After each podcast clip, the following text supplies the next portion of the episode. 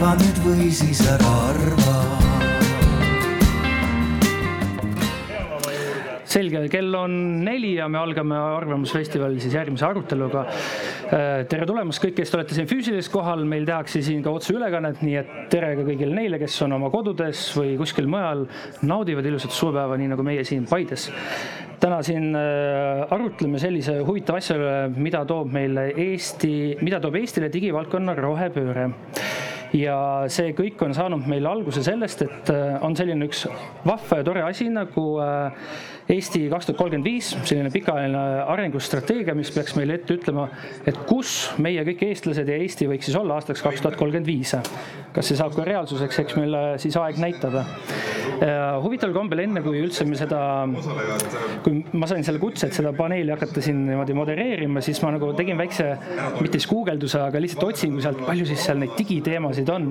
et kuigi seal nagu sellises kohe esmalt suurelt ei olnud, siis tegelikult leidis seal hästi palju selliseid väikseid pisi, pisinüansse, mina sain kokku üle kolmekümne, pluss siis meil on veel, see on see üks suur strateegia ja siis tuleb aasta-aastalt tulevad need väiksemad, uuemad ja seal on ka neid väga palju. ühesõnaga digiteemadel meil on taga, täna väga palju äh, arutleda ja selles arutelus äh, aitavad siis sellist Eesti tulevikku mõtestada ja kõik seda digitulevikku mõtestada.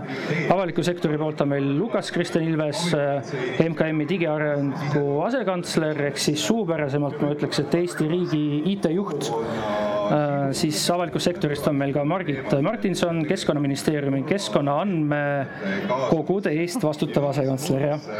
see, need ametid on need, mis peab alati nagu täpselt maha lugema, et siis on kõik hästi. ja erasektori poolt on meil ka Andre Visse, kes on meile sellist mõnusat telki siin pakkunud täna. Äh, Telia tehnoloogiadirektor Andrus Aaslaid on meil iduettevõtte või idufirmade siis esindaja Single Earthi näol. Eesti keeles siis ma ütleks tehnoloogiajuht, inglise keeles CTO, et kõik saaksid aru, ja Andres Meesak, Eesti Päikeseelektri Assotsiatsiooni juhataja. ja mina olen moderaator Ronald Liive. ja äh, kõik kuulajad-vaatajad, kes te olete siin kohapeal ja kodudes, äh, on olemas selline huvitav äh, äpp, asi, mida te peaks kuskil ekraanil nägema praegu. jah, see ruutkoodi skännides sinna aadressile minnes te saate ka küsimusi hakata esitama. et kui teil kogu selle paneeli ajal on mingi teema, mida te mille kohta te ise tahaks küsida, siis äh, sealtkaudu saate küsida. ja meil käib siin ka tegelikult mikrofon ringi, et kes tahab oma häälega küsida, siis see võimalus on ka olemas ja tegelikult seal on kohe ka praegu olemas üks küsimus, millele te kõik saate vastata. Ähm, mis siis on, äh, kas mõtlete nutiseadmeid kasutades äh, nende keskkonnamõjule ja neli valikvastuse varianti ja siis vaatame vast lõpupoole, et kuidas, kuidas selle küsimuse vastamisega on läinud, aga te saate kõik meile ka siin küsimusi esitada.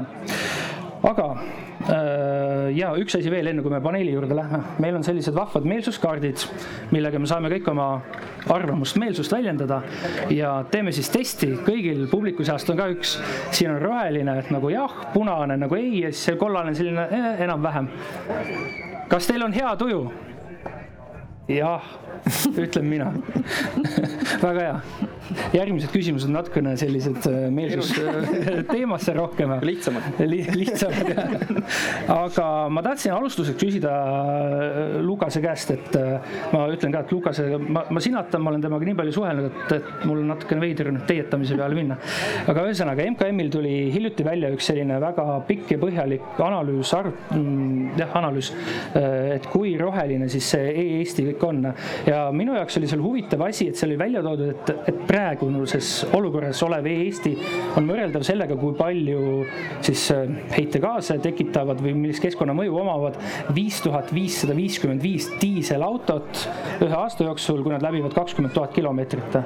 kas äh, see nii-öelda selline fakt, mis sealt välja tuli, oli ka sinu jaoks selline kõige suurem ja huvitavam nüanss või oli seal midagi veelgi lahedamat, millele, mida mina näiteks ei leidnud üles?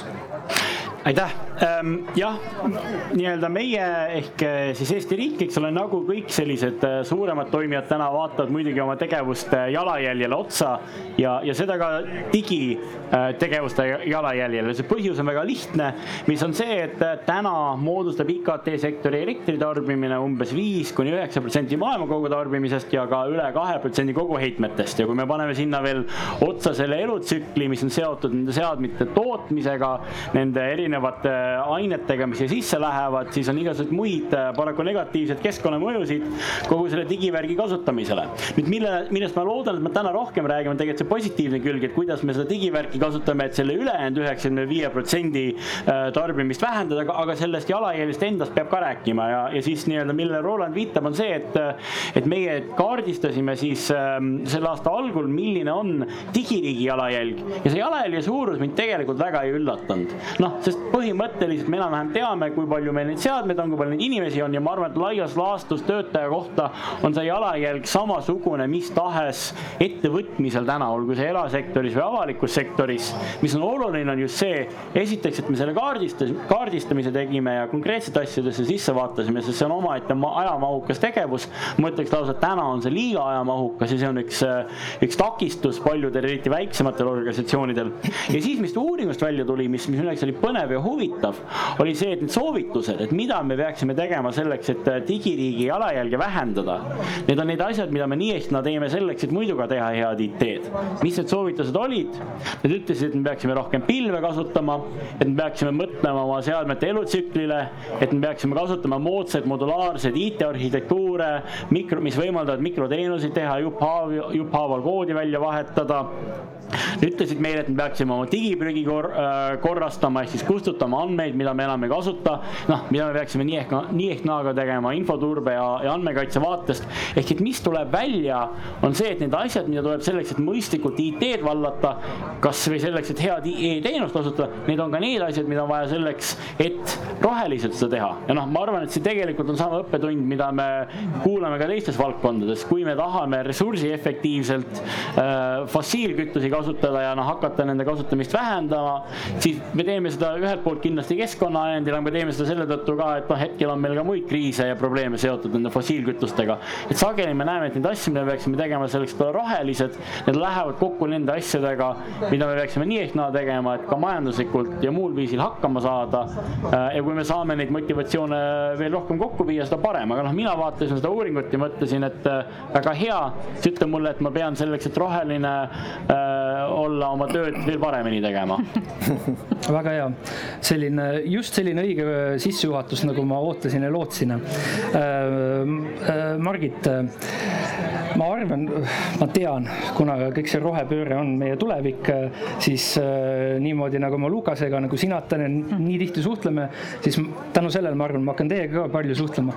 aga, aga üldsusele siis, et Äh, palun selline esmane kirjeldus, sissejuhatus, et mis teie selline igapäevatöö on? et mis on see, mis teie igapäevaselt, millega te aitate kaasa sellele, et Eesti oleks rohelisem ja ka siis nii-öelda selles digivõtmes siis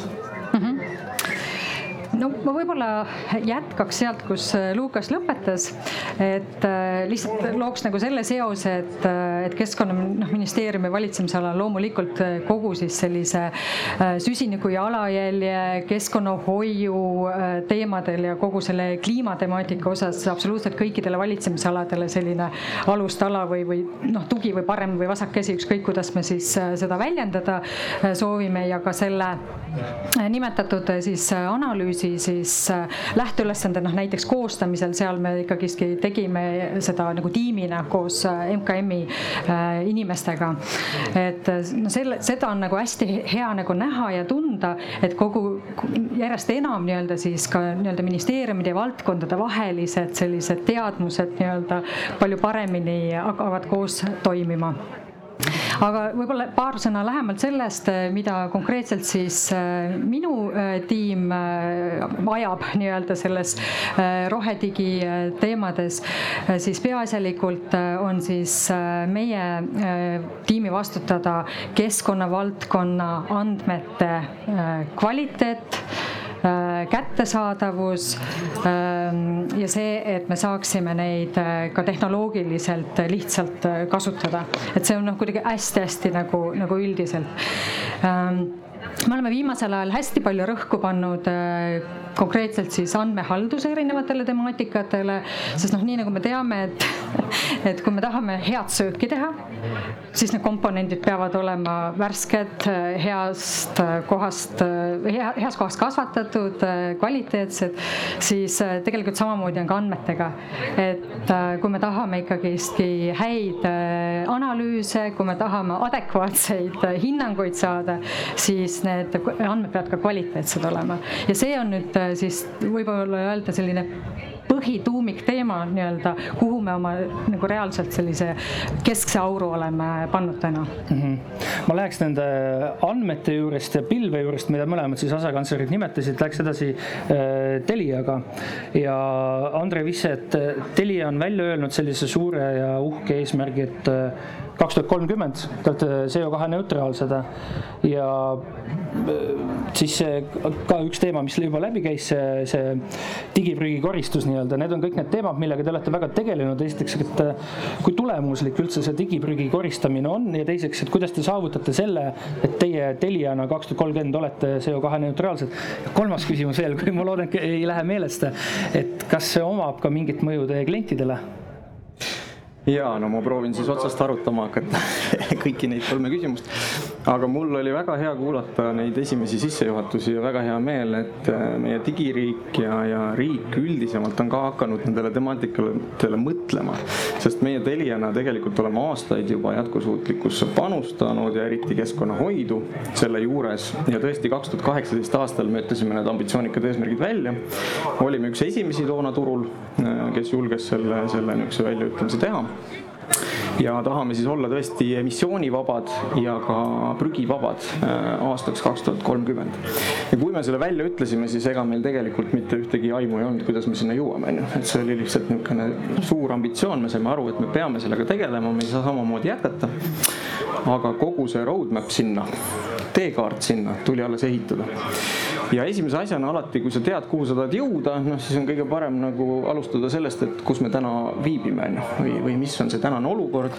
ja me hakkasime otsima siis seda standardit, mille alusel kaardistada enda jalajälge ja päriselt aru saada, millist keskkonnamõju me siis tervikväärtusahelas üldse omame ja jõudsime sellise, sellise standardini nagu Scope kolm, on see siis Greenhouse Gas protokolli organisatsiooni poolt välja töötatud. üks väheseid maailmas, mis, mis on niisugused universaalsed ja enamlevinud. Ehm, ma hetkel ausalt öeldes ei tea, mida, mida riik kasutas, et kas te jõudsite ka Scope kolmeni, aga võib-olla selleni jõuame pärast ja, ja selle, nüüd me oleme kolm aastat tegelikult jälginud seda, et eh, kuidas, mis meil selle jalajäljega siis läheb ja, ja peab ütlema, et trendid on väga õiged ja need tegevused, millesse me igapäevaselt panustame ja tegelikult olime aastaid ka enne juba panustanud, tõesti päriselt omavadki mõju. Ehm, sest meil enne ei olnud tegelikult metoodilist viisi, kuidas mõõta seda, et, et kas sellel on siis mõju nendel tegevustel või mitte nii et kõigil, kes veel ei ole seda teekonda alustanud, ma soovitan küll kõigepealt teha ära see kaardistus, hakata jälgima, panna endale teaduspõhised eesmärgid, äh, mille poole püüelda ja siis tõesti ka tegelikult monitoorida, et, et liikumine toimub äh, õiges suunas nüüd teine küsimus oli digiprügi. Äh, digiprügi koristus, noh hinnanguliselt on öeldud, et digiprügi koristus ei oma väga suurt mõju üldises suures kontekstis äh, kogu keskkonnahoiule digimaailmas. miks see oluline on? Äh, mina mõtestan ennast enda jaoks seda selliselt, et kui me digitaliseerime ja meie eesmärk on digitaliseerida manuaalseid protsesse, tööstust, igasuguseid erinevaid äriprotsesse siis me peaksime aru saama sellest, et kui me digitaliseerime selle protsessi, kas me teeme asja paremaks või teeme halvemaks. ja täiesti võimalik, et me mõne protsessi digitaliseerimisega teeme hoopis keskkonna mõttes nagu rohkem kahju, kui see protsess tegi manuaalselt. Aga selleks ongi vaja seda mõõta, mis on see digitaliseerimise mõju tegelikult ja aru saada sellest. ja me teame, et igasugune digitaliseerimine toob endaga kaasa plahvatusliku andmete kasvu ja plahvatusliku kasvu ka selle järele, et neid andmeid on vaja transportida, neid andmeid on vaja protsessida kuskil. ja see omakorda tarbib hästi palju energiat. Ja energiat, kui me endiselt fossiilsetest kütustest toodame, siis loomulikult see kahjustab meid ümbritsevat keskkonda. järelikult on meil väga vaja tegeleda sellega, et seda digi, digiprügi, seda seisvat, vanu andmeid, mida me tegelikult mitte kunagi enam ei kasuta. et meil neid, seda ei oleks väga palju. ja, ja digikoristusega on meil läinud väga hästi, meil on äh, iga aasta, kui me seda oleme teinud, järgmine on tulemus kusjuures jaanuaris, kutsun kõiki kaasa, kahekümne seitsmendal jaanuaril, äh, järgmine digikoristuspäev. eelmine kord oli meil ligi kakskümmend tuhat eraisikut, ligi nelisada ettevõtet, kes osales. ja, ja me kustutame reaalselt betabaitides andmeid, mis on ikkagi väga suur andmemaht. võib öelda, et ma ei tea, palju meil digiriigis üldse andmeid on, ka mõndades petabaitides, võib-olla kümnetes muidugi kulukoht kindlasti on sa neid kõiki kustutad. absoluutselt, et, et sa hoiad kokku, kui sa hoiad pilve, pilvekeskkondades enda andmeid, siis sa ju maksad selle eest, et sa neid seal hoiad, on ju. et kui sa need sealt ära kustutad, siis sa tegelikult saad ka väiksemaid pilvepakette kasutada ja maksad selle eest vähem, nii et, et igal juhul jah. ja meie kogemus veel äh, sellel teekonnal tegelikult on näidanud seda, et kui sa alustad suhteliselt ikkagi nagu nullist, siis sul neid madalaid õunu, mida noppida, mis tegelikult sulle ka kuluefektiivsust toovad ja samas on keskkonnahoiu mõttes kasulikud, neid on päris palju. nii et, tasub juba sellepärast sellega tegeleda, et me oleme siiamaani lihtsalt elanud hästi mugavalt, mugavas maailmas. meil on olnud hästi palju loodusressursse või me ei ole mõelnud selle peale, me oleme neid lihtsalt raisanud. aga, aga tegelikult selle juures ka rohkem kulutanud enda ressurssi ehk raha selge, üks küsimus oli veel, aga ma jätan selle pärastiseks, et, et siis vaatame, äkki saame rohkem tähelepanu ka sellele, sest et meie enda kõigi rahakott on see kõige olulisem, on ju, jah. aga meil on kaks esinejat veel, teeme neile ka veel sissejuhatuse ära, et äh, Single Earth on üks huvitav ettevõte, aga kes oskab idufirmadest äh, nii-öelda ennast kõige paremini rääkida kui idufirmad ise. ja lifti kõne on see, mida idufirmade esindajad peavad alati tegema, nii et palun, lava on teie, teie Single Earthi lifti kõne, milline see välja näeb? Väga hea, ma mõtlesin, et me räägime digivaldkonnast, aga liftikõnet saab startup'ilt igal ajal, et. et kui sa oled täna metsaomanik, siis metsaomaniku täna ainukene võimalus raha teenida on põhimõtteliselt mets maha võtta, keegi teine talle selle eest midagi ei maksa. ja samal ajal, kui ta siis seda lõpuks raha teenimise eesmärgil teinud on, siis kuidagi kõik näitavad näpuga ja on jube kurjad ta peale, et miks sa nagu metsa maha võtsid samal ajal see kasvav mets tegelikult toodab meile päris palju selliseid hüvesid ökosüsteemi teenuste näol, mida me oleme harjunud metsaomanikult kuidagi tasuta saama ja kuna meil ei ole head meetodit olnud temaga arveldamiseks, siis kuidagi on nagu ühiskonnas tekkinud selline arusaam, et kõik need teenused peavadki saabuma nagu metsaomanikult tasuta. Ja mida meie siis teeme, on see, et me tahame, et metsaomanik teeniks raha selle pealt, kui tema mets on püsti, mis tähendab siis, et me paneme metsale külge digitaalsed mudelid, kutsume neid digital twin ideks ja nende mudelite alusel arvutame välja, mis on need hüved, mida metsaomaniku kasvav mets toodab ja blockchain'is muudame need hüved kaubeldavaks, see tähendab seda, et iga ühiku hüve kohta tekib üks digitaalne token, mida saab kaubelda ja selle token'i saab siis teistpidi jällegi endale omandada kas siis ettevõte või eraisik, kes tahab siis neid samu net neutrality goal'e endale soovida, kas läbi süsiniku ostmise sealt metsast, mida see mets sõgib, või siis tahab mingil muul viisil neid teenuseid osta selleks, et panustada ökosüsteemi ja biodiversity ja kõige selle nagu hüve olemasolusse, et keegi neid puid ei tahakski maha võtta. ja miks ma just palusingi teilt seda lifti kõne, oligi see, et me jõuaks sinna tokenite teema juurde, millele mina muide eestikeelset head vastet ei tea, keegi teab, ei tulnud praegu, järelikult ei ole aga ma tahtsin küsida seda teie käest, et, et kas kogu see tokenization, kas seda saab ka roheliselt teha ja kuidas teie olete selle roheliselt ära lahendanud äh.? Noh, kui me vaatame tegelikult kogu seda rohepööret kogu selles digiasjas, eks ole, siis meil on kolm teemat, eks ole, üks on see, et äh, selgelt proovida nende seadmete, kust me seda kasutame, nende nagu ökoloogilise sellise elutsükli jalajälge vähendada. teine on see, et me proovime mõttetuid andmeid mitte nagu siis hoida, ehk siis seesama digiprügi teema. ja kolmas on tegelikult see, et me peaksime proovima nende andmetega, mis meil on võimalikult efektiivselt ringi käia, et sealt midagi ühiskonnale kasulikku saada ja teistpidi nagu aidata kaasa sellele sellele, et me suudaksime paremini mõõta, et me suudaksime paremini näidata, mis maailmas toimub.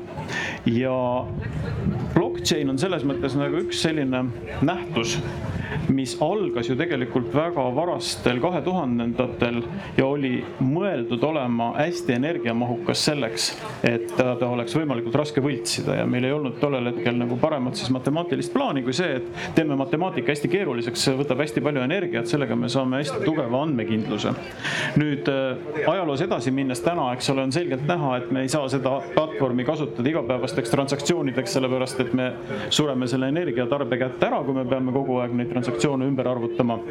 aga selle asemel on siis nüüd tulnud tegelikult sellesama blockchain'i maailmas uued äh, protokollid, mis kasutavad hoopis teistsuguseid siis äh, tõendusmeetodeid, mis noh, mõnes mõttes siis ei baseeru enam tohututel energiatarvetel, vaid sellisel pigem klassikalisel lepinguõigusel, ehk siis kui me tuleme kõik omavahel kokku ja lepime kokku, et me ei võltsi, siis on suur tõenäosus, et kui üks meist võltsib, see tuleb välja. Ja, ja need on siis nimetatakse proof of stake ehk siis selline nii-öelda stakeholder ite või panustajate siis selline skeem. Ja nende tegelikult blockchain'i transaktsioonide ökoloogiline jalajälg ei ole palju suurem, kui on krediitkaardi transaktsioonidel, et Singular kasutab Solanat ja põhimõtteliselt ühe transaktsiooni liigutamine Solanas on umbes samasuguse jalajäljega kui üks kaardimakse nagu ligikaudselt, et ta ei ole enam selline linna ja küla suurune nagu afäär okei okay,, meile küll seletati praegu, kuidas äh, ikkagi token'id ja siis äh, plokiahel on roheline või saab olla roheline. aga küsiks siis äh, viimase panelisti käest niimoodi, et Andres Meesaku käest, et kas üldse nagu päikesepaneelid võiks olla kogu nii-öelda vastus kõigile neile küsimustele, mis siit läbi käis. me saame nagu oma digiriigi teha nagu roheliseks, me saame kõik selle krüptokaevanduse ja token'id, plokiahelad, kõik need väga kuumad teemad teha kohe nii-öelda keskkonnasõbralikuks. ja kas see, kui see nii-öelda on tehtav, et taastuvenergiat panna kõik selle tööle, kas see on tehtav ka Eestis, meie Eesti kliimas aastaringselt? See viimane sõna oli. Ähm, vastus on jah ja ei, et äh, ta on tehtav, ütleme äh, Eesti kliimas ähm, täna ainult päikese, päikeseenergiat kasutades. Äh, see ei ole tehtav elektronide tasemel. Ehk et me peame seda meeles pidama, et Eesti laiuskraadil ükskõik kui palju see kliima soojeneb, päike käib ikkagi nii kõrgelt, nagu ta käib.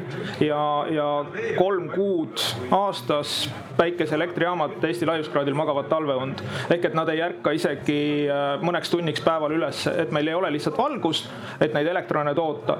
Äh, mida me saame, on võtta energiabilanss aasta, aasta mõistes, ehk siis äh, me tarvitame, ütleme kogu selleks millest siin räägiti teatud hulga energiat, on see siis ütleme üks teravatt-tund ja me saame samas mahus äh, paigaldada päikeseelektrijaamu mis toodaksid selle ühe teravatt-tunni meile aastas elektrit. ehk et väga paljudel suurtel tehnoloogiaettevõtetel käibki ju tegelikult see süsinikuneutraalsus käibki selle läbi, et äh, nad investeerivad kuskile tuuleparkidesse, päikeseparkidesse, mis ei ole otseselt nende ettevõttega seotud, aga nad tellivad neilt aastas äh, teravatt-tunni, kaks teravatt-tundi toodetud puhast energiat. ehk siis see ei ole elektronide, nad ei tooda enda jaoks elektrone, aga nad ostavad neid elektrone kelleltki, kelleltki teiselt nii-öelda ma nägin siin vahepeal meil tuli publiku sekka ka uusi inimesi, nii et tuletan meelde, teeme ka väikse sellise meelsuskontrolli siis kõigilt, et äh, asi, mis meil käis siin vestluses juba läbi, on see, et, äh, et kas siis, kuidas nagu pilve varundatakse asju ja siis, et seal peaks ka kustutama aeg-ajalt ikkagi neid üleliigseid asju. aga väga lihtne küsimus, et äh, vastata saab siis roheliselt jah ja ei ja selline, et no ütleme, võib-olla või vahepeal aeg-ajalt, et kas te varundate pilve näiteks telefoniga tehtud fotosid nii suurem enamus on rohelised, mõni üksik punane ja siis äh, üks kollane. nii et kõik me varundame pilve ma loodan, et me kõik mõtleme. see tähendab, et ta ei tea, aga Apple arvundab tema eest aga vaata, siin tuleb alati mõelda, mis on alternatiiv, eeldame, et me teeme sama, sama palju fotosid, kui noh, et me nagu käitumist ei muuda nii-öelda pildistamise tasandil. alternatiiv on see, et meil on telefonidel ja kõikidel seadmetel suuremad kettad, mille tootmine on omakorda ressursimahukam ja noh, kui me räägime, eks ole, selle nutiseadme jalajäljest või laptop'i jalajäljest, lõviosa jalajäljest tuleb tootmisest ja siis nii-öelda pealekasutamisele hävitamisest. ehk et lõppkokkuvõttes, kui see pilv võimaldab võimaldab meil nii-öelda lõppseadmete tootmist kuidagi optimeerida niimoodi, et meil on väiksemad kettad ja vähem materjali läheb sinna ja see tootmine on vähem intensiivsem, ta peab kaamini vastu, siis see võib olla ikkagi nii-öelda parem kui pilvevaru, võib see pilvevarumine olla siiski see, see rohelisem variant. jah, väikse klausliga, et päris nagu automaatselt sada protsenti kõik need pilved või pildid, mis sa teed, ei ole vast mõistlik, eriti kui sa teed režiimis, kus sa teed oma lapsest sada pilti ühe korraga nagu. et pigem nagu pane see üks pilt. kas sa mu last oled näinud mul on ka väga armsad lapsed, ma arvan, et iga pilt väärib säilitada. jah, aga tegelikult ma tahtsin nüüd küsida seda, et ähm, kõik see, et meil on Eestis on ID-kaart, meil on äh, digiallkiri, me saame e-hääletada ja loodetavasti varsti M, M-hääletada ka. et äh, see kõik sai võimalikuks äh, algusaegadel tänu avaliku ja erasektori suurele koostööle, kus pangad sisuliselt ütlesid ette, et meil on seda vaja. me peame selle tegema ja riik ütles, okei okay,, teeme ära. pangad ja telko. jah, pangad ja telko just täpselt. toona oli telkood. telkood toona. ja, aga kas me nüüd äh, saaks nagu midagi analoogset teha, et paneme nagu pead, helged pead kokku ja teeme selle asja ära, sest asi, mida me oleme siin aastakümneid üritanud teha, et Eesti seda uhket e-riiki eksportida rääkida, ega väga ei ole võetud vedu, no natukene on ju. aga kui me paneme nüüd selle rohepöörde konteksti ka sinna juurde, ma olen enam kui kindel, et siis tuleb palju rohkem nagu selliseid kasutajaid sinna peale noh, ma olen vist tegelikult siin paneelis ainukene, kes oli selle esimese ID-kaardi sünni juures ja nägi seda köögi poolt pealt ja noh, ma ütlen, et minu, minu vastus sulle on selge ei, et sellepärast, et enamik inimesi, kes selle supipaja keetmise juures olid, oleks tänaste igasuguste riigihanke seaduste järgi vangis, sellepärast et eh, ega noh, kui me ehitasime seda esimest Eesti digiriigi iteratsiooni, siis eh, tegelikult oli lahendamata probleem, mis on siiamaani lahendamata ja see on see, et kuidas saab innovat-, aa näed, noh, Linnar istub siin ei ole mina ainus et et ega siis hästi palju on lahendamata täna sedasama asja, et kuidas jõuab innovatsioon nagu erasektorist riiki. meil ei ole siiamaani väga head meetodid, me oleme nüüd teinud äh, ühe, äh, ühe sellise initsiatiivi tegime, eks ole. aga, aga, aga see nagu, mismoodi see tegelikult peaks saama, kui tuleb näiteks, ma ei tea, noh, kui tuleb väikestel, siis on veel hea nagu selles mõttes, et väikesi keegi väga ei proovi risti lüüa, et siis saab nagu kuidagi laveerida seal tuttavate mingite poliitikute ja riigiametnike juures, eks ole, võib-olla mõni teeb mingi piloodi, eks ole. aga näiteks Telial tuleks nagu täna mingisugune maailma muutev idee Eesti riigi suhtes, et me tahaks teha sihukese infrastruktuuri, et, et ega me, sellel ei ole isegi riigile kulusid, et me isegi täitsa tasuta seda infrastruktuuri enda juures ja noh, väga hea oleks, kui saaks niimoodi, et hanget ka ei tuleks, sellepärast et nagu muidu teised ajavad hinna üles, siis läheb jälle kalliks, eks ole, et noh, siis noh, tõenäoliselt kõik vaataksid nagu veidi sellise imestunud näoga ja, ja siis, kui veel tuleksid nagu telkod ja pangad kokku ja ütleksid, teate, meil on sellele asjale lahendus olemas, et me teeme täitsa omavahel teeme sellise nagu firma, mis hakkab seda nagu tegema, et väljapoole paistab nagu see sertifitseerimiskeskus oleks riik, aga tegelikult on täiesti nagu eraettevõtmine, et nagu, aga me teeme kõik, jube hästi teeme kõik, eks ole, et nagu keegi ei nurise, onju. siis noh, see oli see, kuidas seda tegelikult kahe tuhandendate algusel nagu tehti ja noh, kahjuks on need ajad nagu lõpmatult läbi on see teiste arvates ka nii? No ma arvan, et täpselt niimoodi tõesti ei saa, aga ma arvan, et me võime ka mõelda, eks ole, mis on need positiivsed õppetunnid, et ähm, noh, mida riik ja riigid ja ma tahan võib-olla rõhku panna selle riigid punktile, sest nii-öelda see, mida meie täna teeme, seda teevad teised ka ja muide, ma ei nõustu väitega, et meil digiriigi eksport ei ole õnnestunud, aga see on teine arutelu.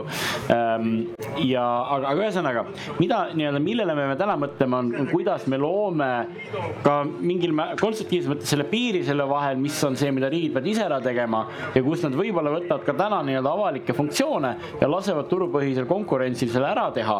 ja noh, tegelikult tegelikult see, mida Single Earth teeb, on ju väga hea näide sellest, eks ole, et äh, plokiahel tehnoloogilise platvormina võimaldab sul turge konstrueerida ja turumehhanismidel toimida seal, kus ta varem ei toiminud. ja riigi üleskutse ei ole tingimata nii-öelda istuda koos Single Earthiga ja nagu koos mingi toode välja mõelda, aga aru saada, kuidas Single Earthi laadne ette võiks toimetada, mis peaksid olema need raamid, mis on need asjad, mida võib-olla riik nii-öelda täna ei võimaldagi turupõhiselt teha või ei premeeri seda, mida peaks tegema ja noh, see, see arutelu, mis peaks a la Single Earthi ja riigi vahel toimuma, on pigem see, et nii-öelda Single Earthi laadne ettevõte võiks meil aidata disainida seda mudelit, kuidas te võiksite siin toimetada mõttega, et ei saa rikkaks seda tehes Eestis tingimata üksinda, vaid et see mudel mudelina on skaleeruv ja eksporditav. nii et äh, ma arvan, et need disainimehhanismid on teistsugused täna, kui nad olid äh, kakskümmend aastat tagasi, aga see tulemus, mis on see, et me nii-öelda väga selgelt paneme turumehhanismid tööle ka avalike eesmärkide saavutamiseks seal, kus nad töötavad ja kus me teame, tehnoloogia võimaldab meil seda teha täna ena, enamatel kohtadel kui kümme või kakskümmend aastat tagasi, ma arvan, et see põhimõte kehtib küll. Accelerate Estonia, mul ei tulnud enne lihtsalt nimi meelde, kui ma ütlesin, et üks initsiatiiv on, et Accelerate Estonia tegelikult on nagu ütleme siis nii, paljulubav katsetus selles valdkonnas. aga eks Celebrate Estonia noh, on formaliseerimine asjadest, mida me nii-öelda, mida me nii ehk naa teeme, ma ei taha nagu öelda, et see, et Eesti unikaalselt teeks seda. et noh, kui me vaatame kasvõi äh, posti valdkond, väga hea näide, eks ole. tänu, tänu sellele, et meil andmed liiguvad, et logistika olemus on muutunud, on meil valdkonnas, kus olid vanasti ainult riiklikud monopolid, täna väga tihe konkurents selleks, et nii-öelda logistikat äh, nii-öelda ülal pidada, et äh, pakki viimasele, viimasele viinile koju viia. isegi sidevaldkonnas, eks ole, kus kakskümmend aastat tagasi olid riiklikud monopolid, noh, mingil määral, eks ole, Telia siin veel maadleb meie ligipääsuregulatsiooni hulgiturgudel, aga suures pildis ta konkureerib jõhkralt äh, teiste firmadega ja tehnoloogia toob seda konkurentsi ainult juurde ja taustal meie saavutame oma ilusa sotsiaalmajandusliku eesmärgi, et inimestel ole, andmed voolaksid ja nüüd me saame arutada, kuidas neid turge ka niimoodi disainida, et teil oleks ka mõistlik seda teha rohelisel viisil. Absoluutselt nõus ja konkurents on alati edasiviiv jõud ja tõesti, konkurents toimib telkoturul tänaseks väga hästi ja, ja ma ei oleks ka nii kriitiline, et tõesti startup sektori ja riigi vaheline koostöö ei ole hea ja et ka riik ei kaasaks erasektorit. loomulikult on noh, küsimus selles, et kuhu see piir tõmmata või kust maalt nagu riik äh, peaks ise asju tegema ja kust maalt ta tegelikult peaks võtma turult parimaid praktikaid et, et võib-olla seal tasuks nagu kindlasti äh, võib-olla natuke kriitikanooli loopida, et teatud kohtades saaks kindlasti rohkem veel äh, erasektorile toetuda, kui, kui riik seda täna teeb. aga suures plaanis ma ütleks küll, et koostöö sektorite vahel on hea, jah, loomulikult need kauboiajad on möödas, et üks koht, kus riik saab meeletult palju teha, on oma andmetega. No nii on, noh, ma ütleks siia selle diskussiooni juurde, et noh, me, mina tähendab küll usun sellest, et riik peaks olema sellise võimaldaja nagu positsioonis. et, et me ei pea kõike nagu ära tegema, me ei pea kõiki asju ära nii-öelda lahendama. et, et nii nagu ma võib-olla seal alustuses ka rääkisin, et alguses ka rääkisin, et et see mõte on see, et teeme need kättesaadavaks ja, ja pakume nii-öelda välja siis äh, need erinevad siis äh, platvormid, need äh, võimalused ja anname selle võimaluse siis ka nutikamatele inimestele erasektoril nii-öelda tulla ja pakkuda lahendusi välja. aga kui rääkida sellest, et mida riik saaks ära teha just selles rohevaldkonnas ja, ja digirohevaldkonnas ka, siis on selgelt täna puudu standarditest ja, ja selgelt puudu ühtsetest standarditest standardite kokkulepetest. et seda me tunneme küll omal äh, nahal ja, ja mida ka Lukas alguses mainis, et jõle keeruline oli seda jalajälge kokku arvutada. see on see metoodikat leida, skoop kolme teema. et, et ka meie nägime sellega ikka kurja vaeva, kuna me olime veel need pioneerid ja eesrindlased ka onju, kuskilt ei ole ka praktik-, parimat praktikat nagu turult äh, kokku osta või, või, või küsida. et äh, ega need tarnijad väga altid ei ole oma andmeid avalikustama ja, ja siis sa käidki ükshaaval ja nokid läbi, et vot selle Apple'i selle mudeli, vot mis see jalajälg nüüd ikka täpselt on, saadad kümme päringut Apple'isse ja niimoodi see asi käib, onju. et noh, selles osas saaks küll riik nagu survet avaldada, öelda, et ei, meie turul on sellised reeglid, sellised standardid. võtame näiteks kasvõi Eco reiting, mille me kasutusele võtsime, meil on reaalselt kõik seadmed, nutiseadmed, mis meie poodides müügil on seal on Eco äh, äh, juures, mis näitab, mis on selle konkreetse toote jalajälg tema kasutusea jooksul ja tarbija saab teha juba teadliku otsuse, kui ta läheb poodi ja vaadata, kas ma tahan vot seda seadet, on ju, mis on sellise suure jalajäljega või võtan selle seadme, mis on palju väiksema jalajäljega. no midagi sarnast, et ma ei tea, kui me läksime poodi ja vaatasime, et, et me ei teadnud, millest see vorst koosneb, on ju. ei olnud kohustust sinna paki peale märkida, millest see vorst täpselt koosneb, siis ma võtsin selle ilusa punase vorsti, on ju. sellepärast, et see hall tundus noh, et see ei ole nagu nii apetiitne onju. aga nüüd, kui ma tean, et see hall tegelikult on nagu looduslik toode ja see punane on täis süstitud igasugust erinevat kraami, noh siis ma teen teistsuguse otsuse. asi, asi, millele Lukas nagu suunas, oli, millele ma tahtsin ka tulla, on need andmed.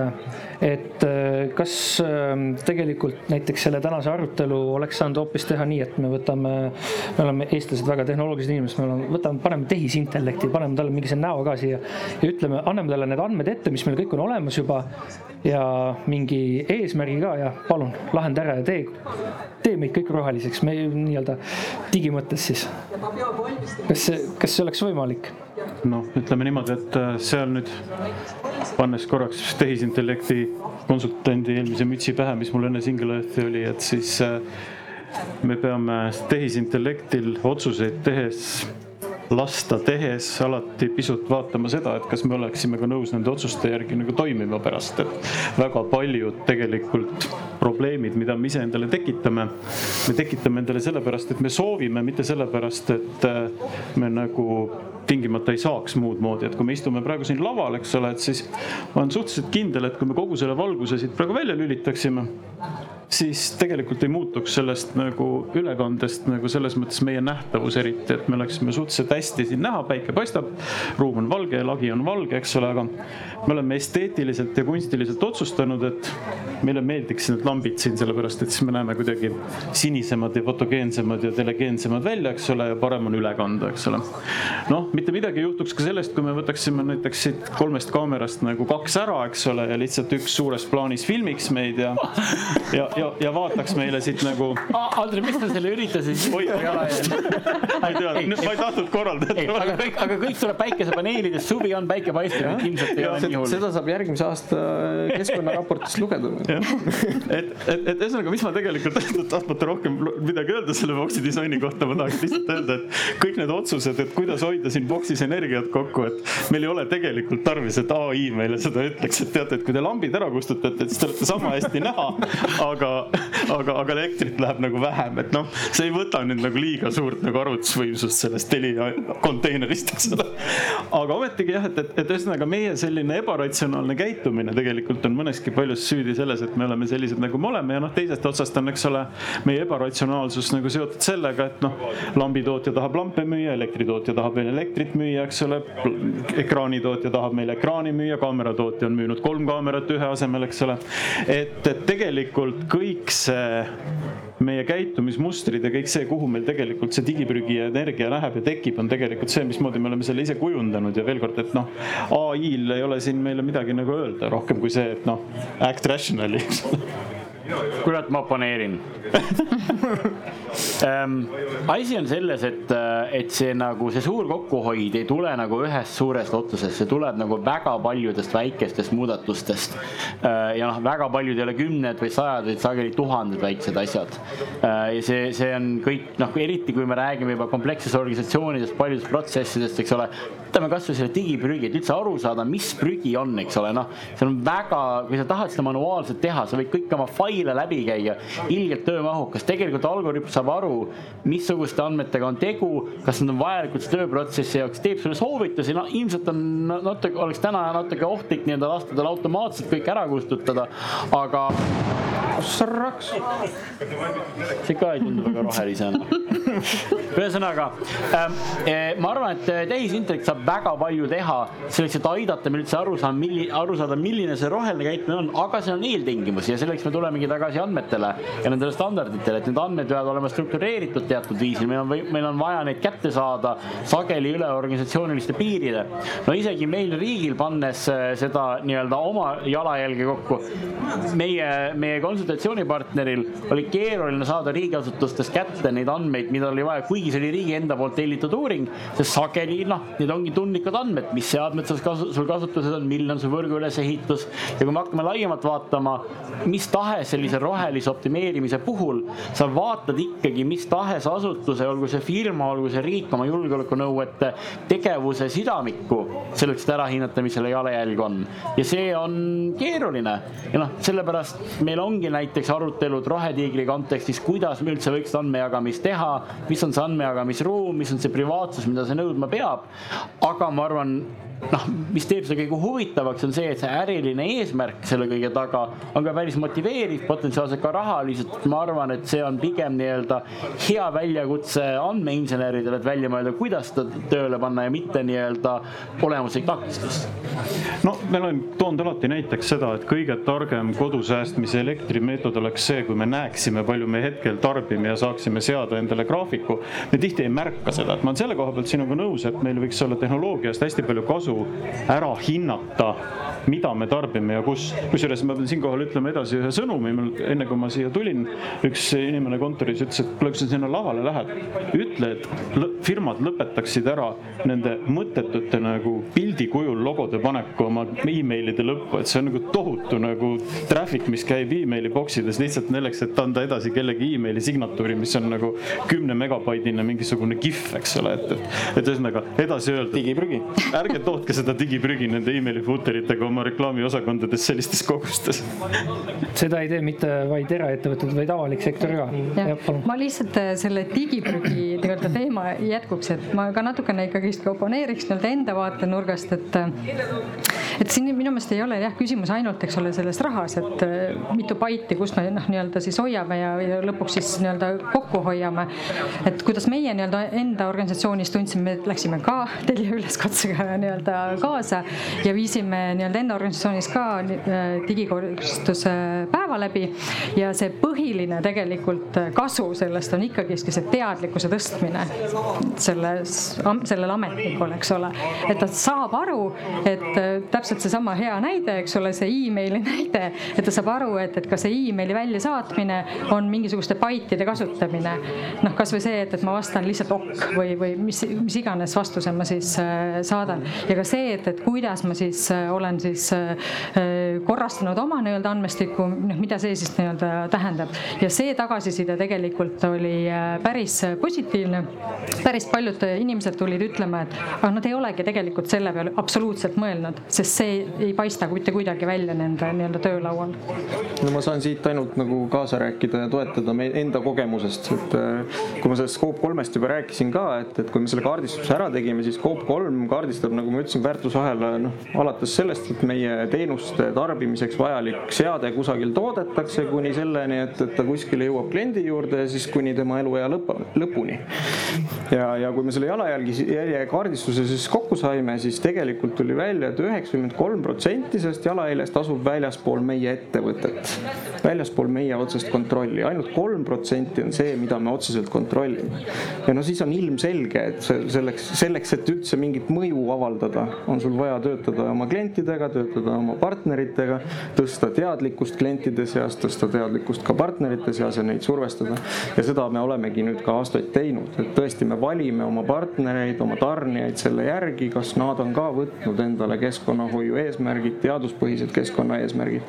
ja, ja oma klientide juures tõstame selgelt teadlikkust läbi erinevate igasuguste initsiatiivide. see on äh, väga hea, nüüd me saamegi tulla korraks ka selle juurde, mis meil siin publikust on tulnud küsimus, et kes veel ei ole saanud küsimust esitada, digitaalselt saab seda teha, et kes te siin olete ja oma hääle ja nime ja näoga ei taha küsida, siis digitaalselt saab seda teha. kohe tuleb ekraanile see koht ka, mis teda näitab ja need ka, kes, kes kõik ülekannet vaatavad ja seal ongi tegelikult Äh, küsimus, mis läheb kokku just selle teemaga, millest sai räägitud, et äh, see küsimus on küll sümboolika, aga ma siis natukene lisan sinna juurde, et ma loodan, et küsija ei ole pahane.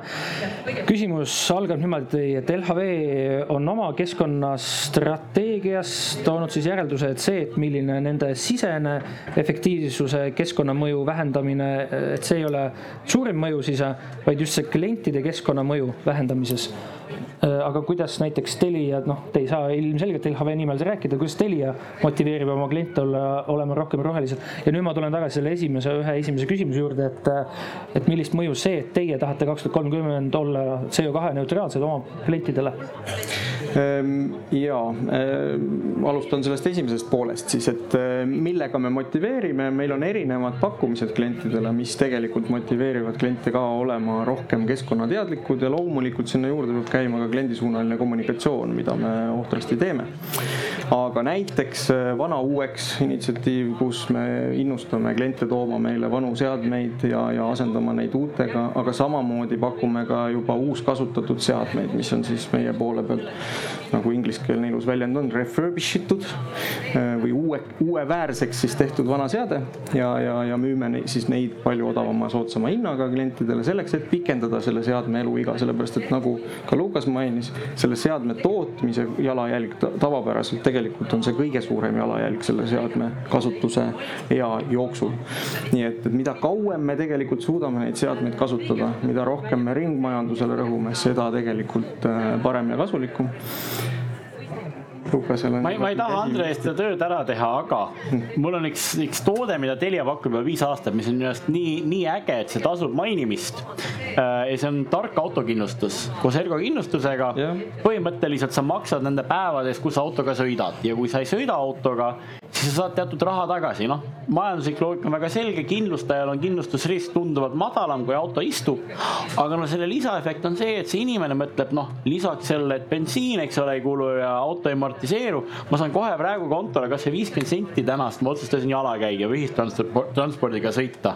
täiesti nii-öelda teistsugune toote innovatsioon, ei ole tavapärane telko toode. aga ma arvan, kui me mõtleme sellistele asjadele, eskaleerume, siis sealt tuleb see nii-öelda lõppkliendi motivatsioon. ma siia juurde saan kohe tuua B2B või sealt ärikliendi sektorist siis sarnase näite, et näiteks veemõõtjad, väga lihtsad asjad, istuvad kuskil keldristes, tüüpiliselt seal on levi väga kehva. ja kuidas siis veemõõtjate näite siiamaani loetud on, noh, kas siis on ju tädi läheb ja vaatab käsitsi või siis on ka sellised lahendused olemas, et see veemõõtja loob siis niisuguse nagu lokaalse võrgu, siis autodega sõidetakse niimoodi tänavat mööda, siis mööda, nendest majadest mööda ja kogutakse need näidud kokku, on ju, mõelge, mis kilometraaž autole tekib, on ju, iga kuu sõidetakse kõik see läbi.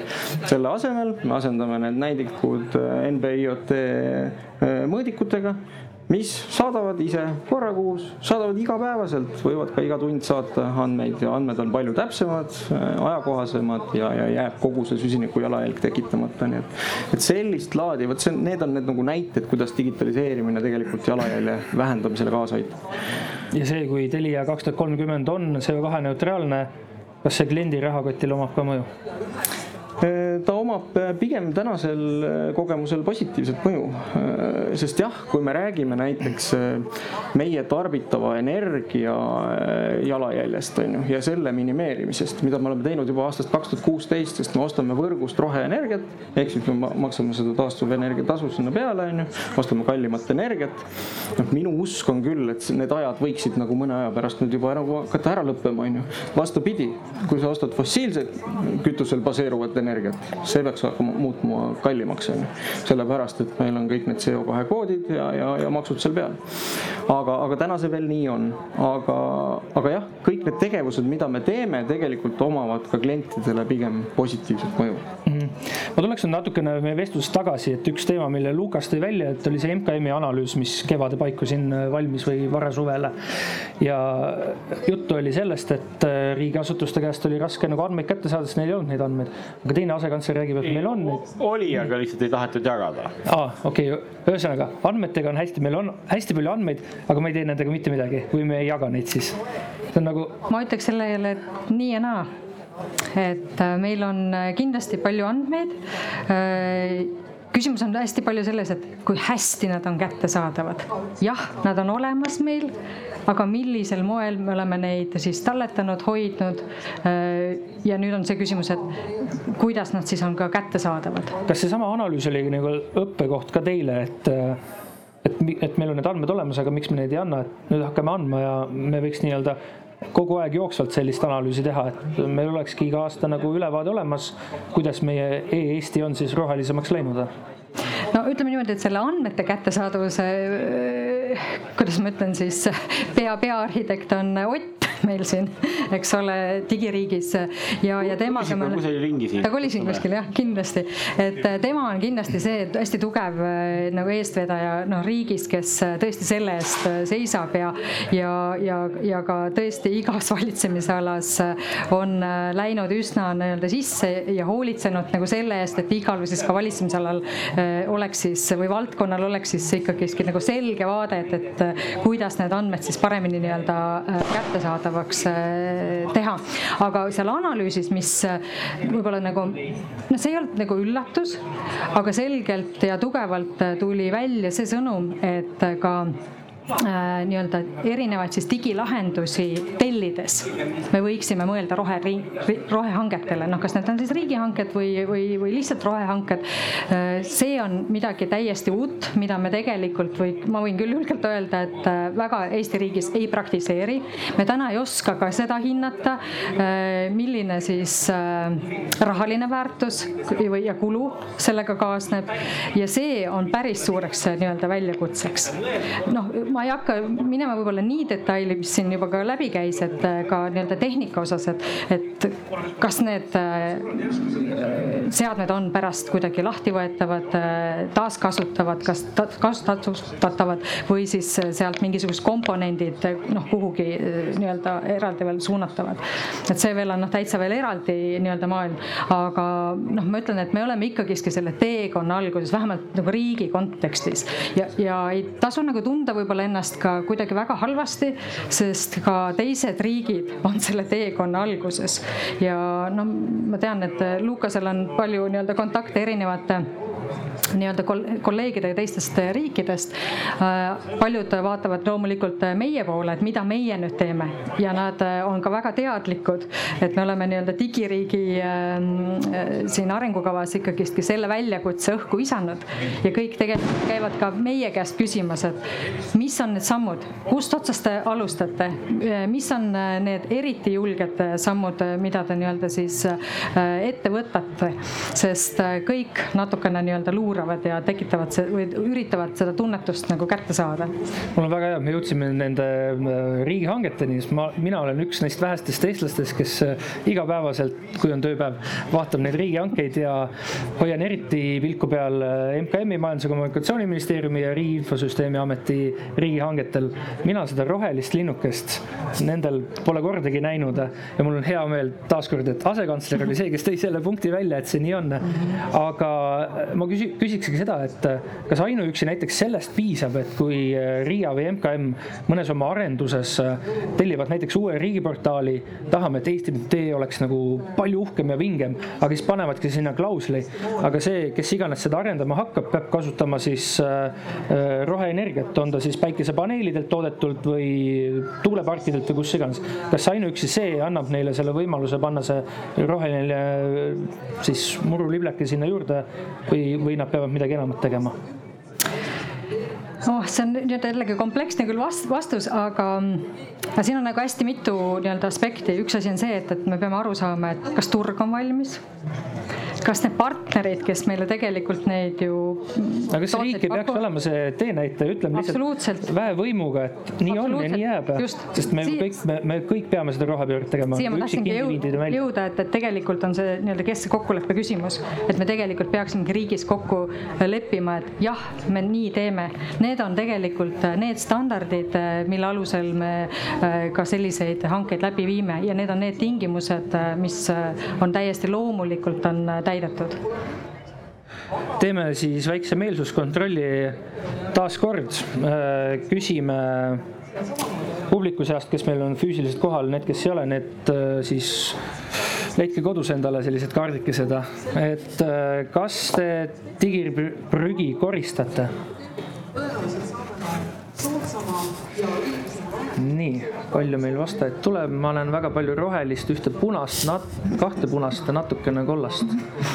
aga, aa okei okay,, ma vaatasin nüüd panelistide poole ka, et, et jah. üsna nukker pilt nüüd. see on aus vastus. aga okei okay,, ma ütlen niimoodi, ma olen teinud seda koristust, aga kui ma nüüd väga-väga aus olen, siis ma arvan, et õigem oleks öelda ei, sellepärast et äh, ikkagi see, et mina teen telefoniga neid pilte ja läheb sada pilti korraga sinna, no see ei ole kuidagi nagu keskkonnasõbralik, et, et peaks vist selle automaatse ikka maha võtma ja, ja minema edasi. nii, aga meil saab ka, kas meil siit kohapealsetest publikust keegi soovib küsimust küsida, ei soovi. Hetkel veel, siis on äh, interneti vahendusel tulnud selline küsimus. Kas paneelis osalejad teadvustavad, kuidas saavad oma tegevusega klientide keskkonnamõju mõjutada? ütleme siis klientide all avaliku sektori puhul meie inimesed ja Telia puhul siis kliendid ja no natuke põgusalt oli sellest juttu, et, et meil on päris palju neid tegevusi käsil, äh, nii siis äh, roheliste pakkumiste näol kui ka tegelikult kommunikatsiooni näol. seesama üleskutse ka tegelikult äh, osaleda sellel digikoristuspäeval on ju, on ju see, kuidas meie kliendid saavad siis tegelikult mõju, mõju omada oma tegevusega et, et muidugi teadvustame jah, et kui minu käest küsida. aga riigi poole vist ei ole ju keegi pöördunud, kuule, mulle meeldib tead see digiallkiri väga ja, ja see mobiil-ID ja kõik, aga võiks seda rohelisemalt teha selliseid kirju või telefonikõnesid ei ole tulnud? sellised ei ole, no ma arvan, et riigi vaatest suures pildis noh, me, meil eraldi sellist digifookust ei olegi, et, et lõpuks küsimus selles, mida riik teeb, et me kõik saaksime rohelisemalt käituda ja siis sealt jätkuküsimus digiinimestel on see, et kuidas andmed ja meie tehnoloogiad võiksid seda kõike toetada. eks ole, et kui me teeme kasvõi elektrituru reformi, kuidas andmed võiksid seda toetada, kuidas selle reformi käigus tekivad, eks ole, äh, uued äh, tingimused, kriteeriumid, regulatsioonid, mis aitavad seda rohelisemalt teha. Ähm, ja pigem, eks ole, meie, kes me tegeleme andmetega, mõtleme, kuidas nii-öelda kõigil abiks tulla.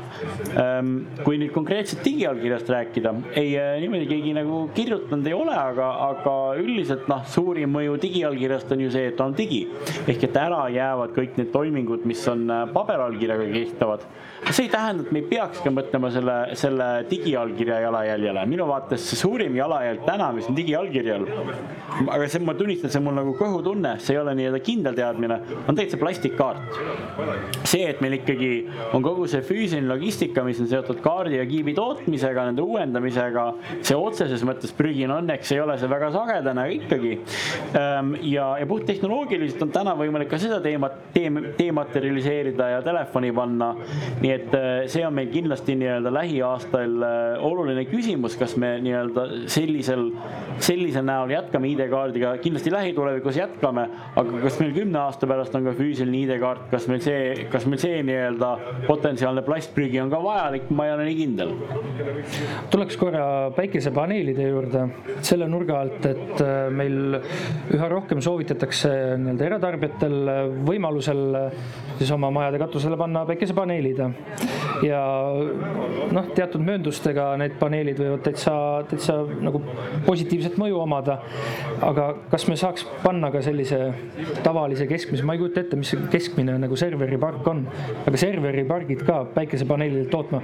Ilma selleta, et nende päikesepaneelide enda keskkonna jalajälg ei oleks nagu suurem, kui oleks olnud sellel kesk, sellel serveril, kui ta ei oleks olnud nagu roheelektri peal saab küll, loomulikult. Ei ole, ei ole mingit probleemi, küsimus on selles äh, pindalas, et, et kuna päikeseelektri tootmine on kõige maaressursi äh, mahukam energia tootmistehnoloogia üleüldse, et siis tavaliselt äh, see serveripark, noh, ta on mingisugune hoone, mille katusele tõenäoliselt liiga palju ei mahu, et siis me peame rääkima pigem ikkagi sellest, et, et see on kuskil seal serveripargi juures, kõrval või eemal, kus on odavam maa.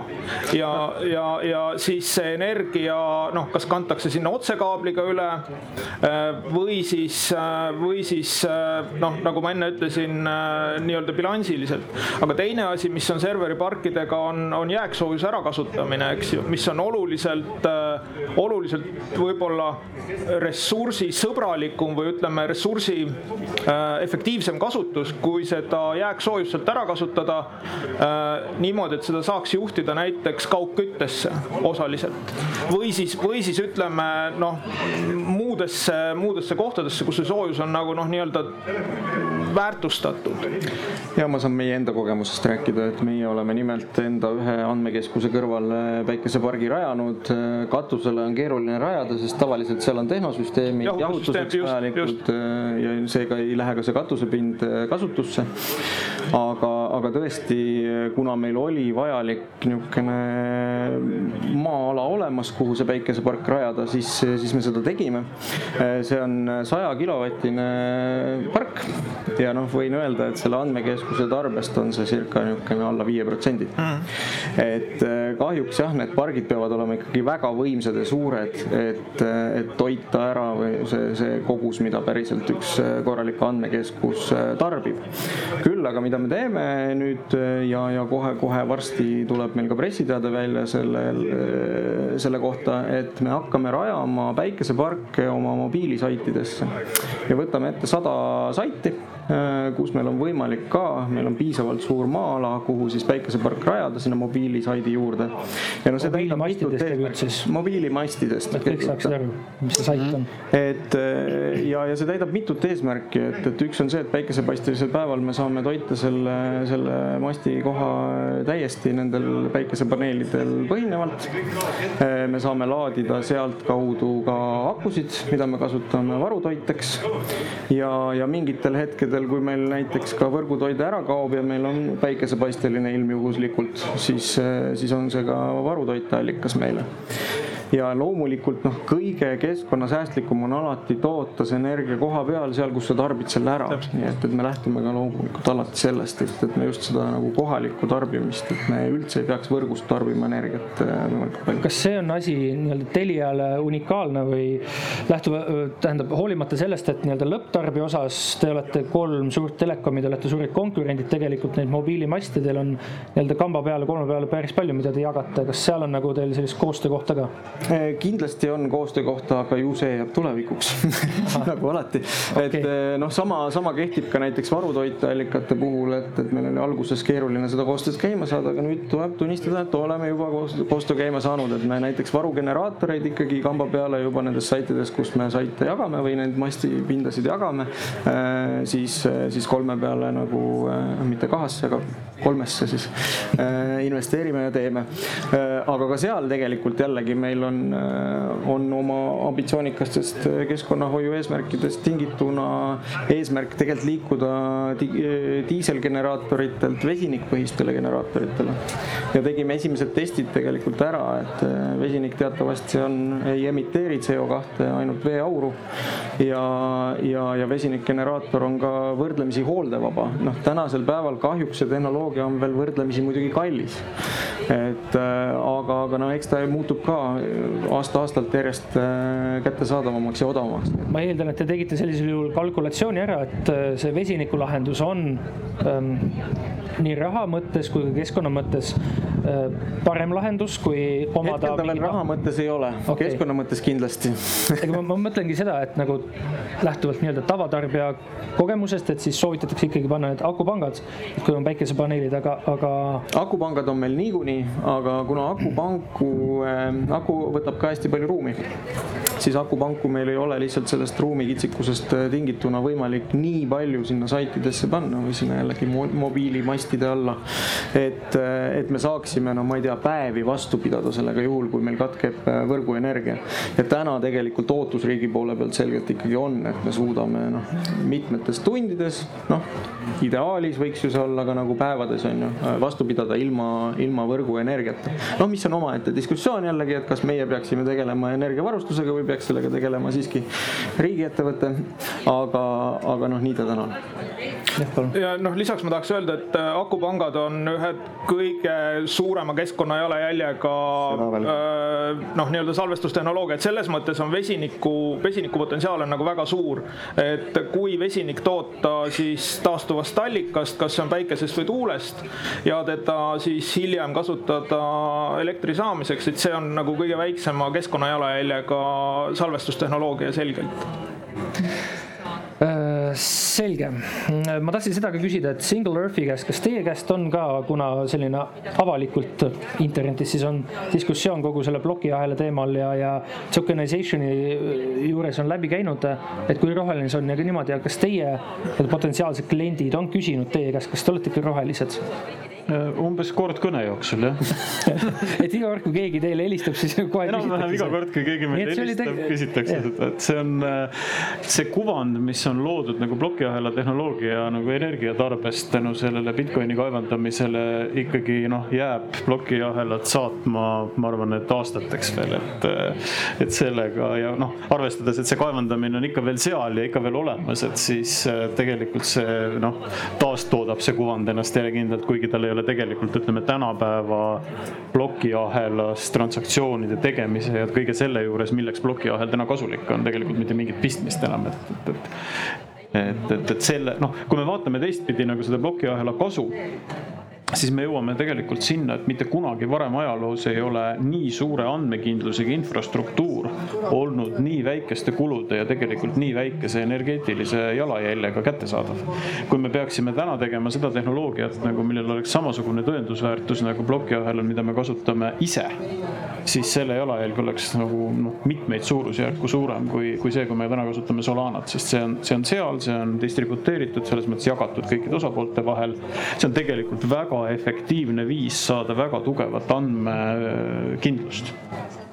Ja, ja süüdistada siis plokiahelat selles, et mingisuguse krüptoraha kaevandamise käigus on sinna läinud nagu sellise paari väikeriigi jagu elektrit aastas, eks ole, et noh, iseenesest tõepoolest on läinud, aga siin on nüüd natukene erinevaid asju vaja võrrelda, eks ole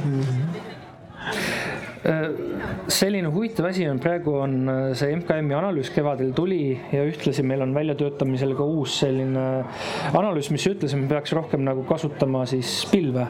ja tegelikult ka uus riigipilv on väikselt nagu arenduses, meil on andmeid hästi palju, mis ütlevad, et kõik, mida me peaks tegema ja niimoodi ja me teeme praegu ja kuidas, kuidas nüüd riigi, uue riigipilve arendusel äh, mõeldakse selle peale, et kõik see võiks ka roheline olla?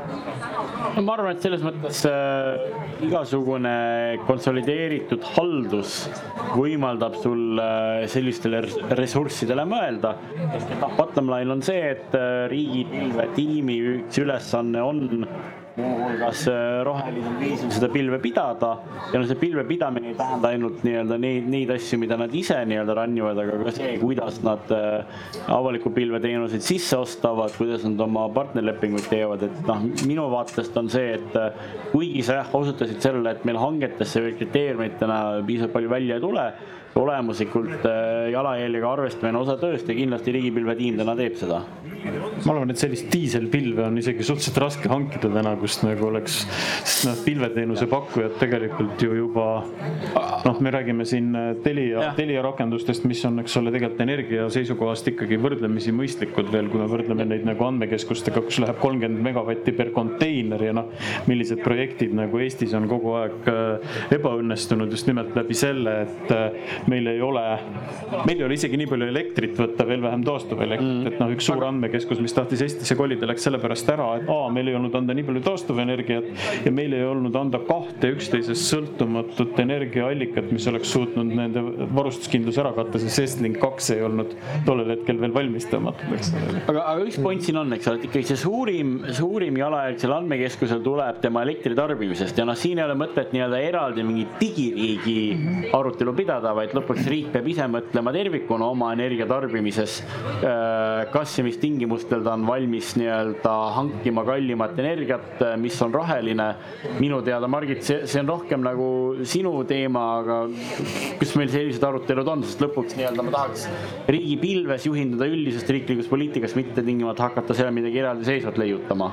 no tundub ju noh, väga mõistlik, kuigi ma siin praegu ise enda peas siin mõtisklesin, et võib-olla me peaksime võtma ka mingisugused sellised it ma ei tea, kas siis uudissõnad või väljendid kasutusele nagu mingi rohelised andmed näiteks, et võib-olla defineerima nagu enda jaoks nagu ära, et, et kas me saame nii-öelda ka siis teenuste või siis andmekogude nii-öelda kaupa siis äh, panna nendele nii-öelda märgise külge, et, et kui me teame, et, et meil, et nad on täitnud äh, kokku lepitud noh, mingisugused tingimused, noh, kas siis oleme kasutanud äh, olulisel määral taastuvenergeetikat, oleme seal nende hoiustamisel täitnud teatud nõuded, oleme teinud nad kättesaadavaks, et nad, neid oleks võimalik jällegi taaskasutada ja nii edasi, nii edasi. et noh, lepime kokku, noh, mis see, mis need tingimused on ja võib-olla siis saame sellise märgise näiteks juurde panna. noh, lisaks sellele, kui me, me oleme võib-olla harjunud, et jah, et on toodetel on rohemärgised, teenustel on nii-öelda juba tekkinud, eks ole, sellised rohemärgised või templid, et miks mitte andmetele ka. andmetest rääkides, mida andmed ütlevad, et kui äh, keskkonnateadlikud eestlased on? ma toon näite finantskirjaoskusest. kõik uuringud näitavad, eestlased on väga targad, me teame, raha peab säästma, minimaalselt kulutama kui me nagu praktikas vaatame, kuidas välja näeb, siis no päris nii ei lähe. kuidas, kuidas keskkonnateadlikkusega lood on?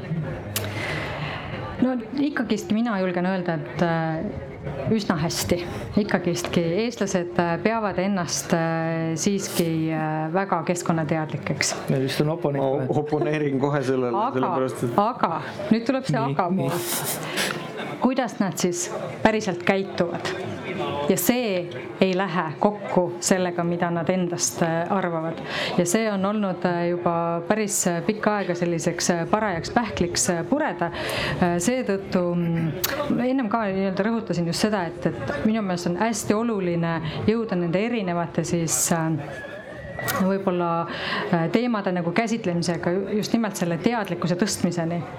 sest me võime küll äh, arvata, et me kõik teame, aga kui me nii-öelda nüüd mõtleme läbi nii-öelda kogu siis ühiskonna nii-öelda kihid et kas see teadlikkus on tegelikult äh, sealt äh, lasteaialapsest kuni äh, nii-öelda vanema, vanaisani ka olemas või ei ole.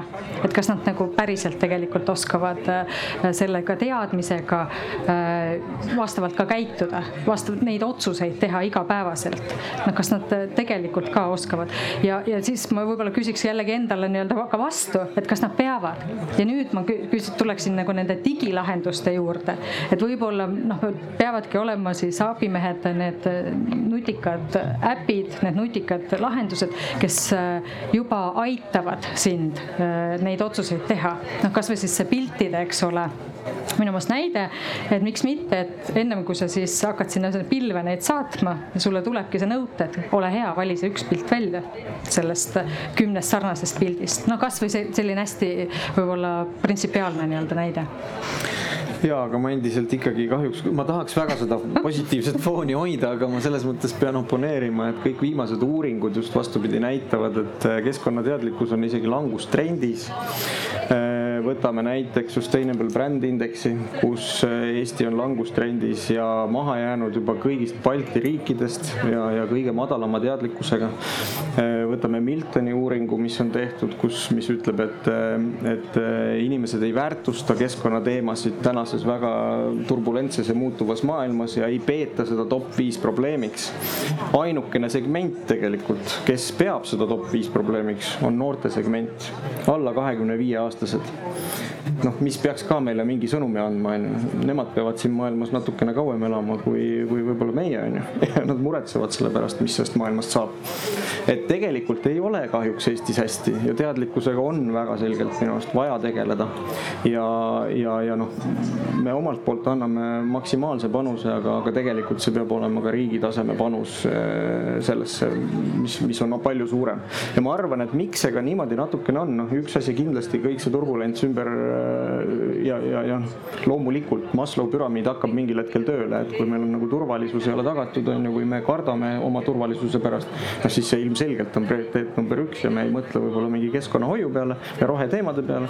teine teema kindlasti on see, et äh, hästi palju ikkagi nagu räägitakse sellest ja süüdistatakse ettevõtteid rohepesus, süüdistatakse ka kindlasti riiki rohepesus, et jaa, te räägite sellest, aga no tegelikult te ju lihtsalt tahate selle rohelise märgise kuskile peale saada, on ju.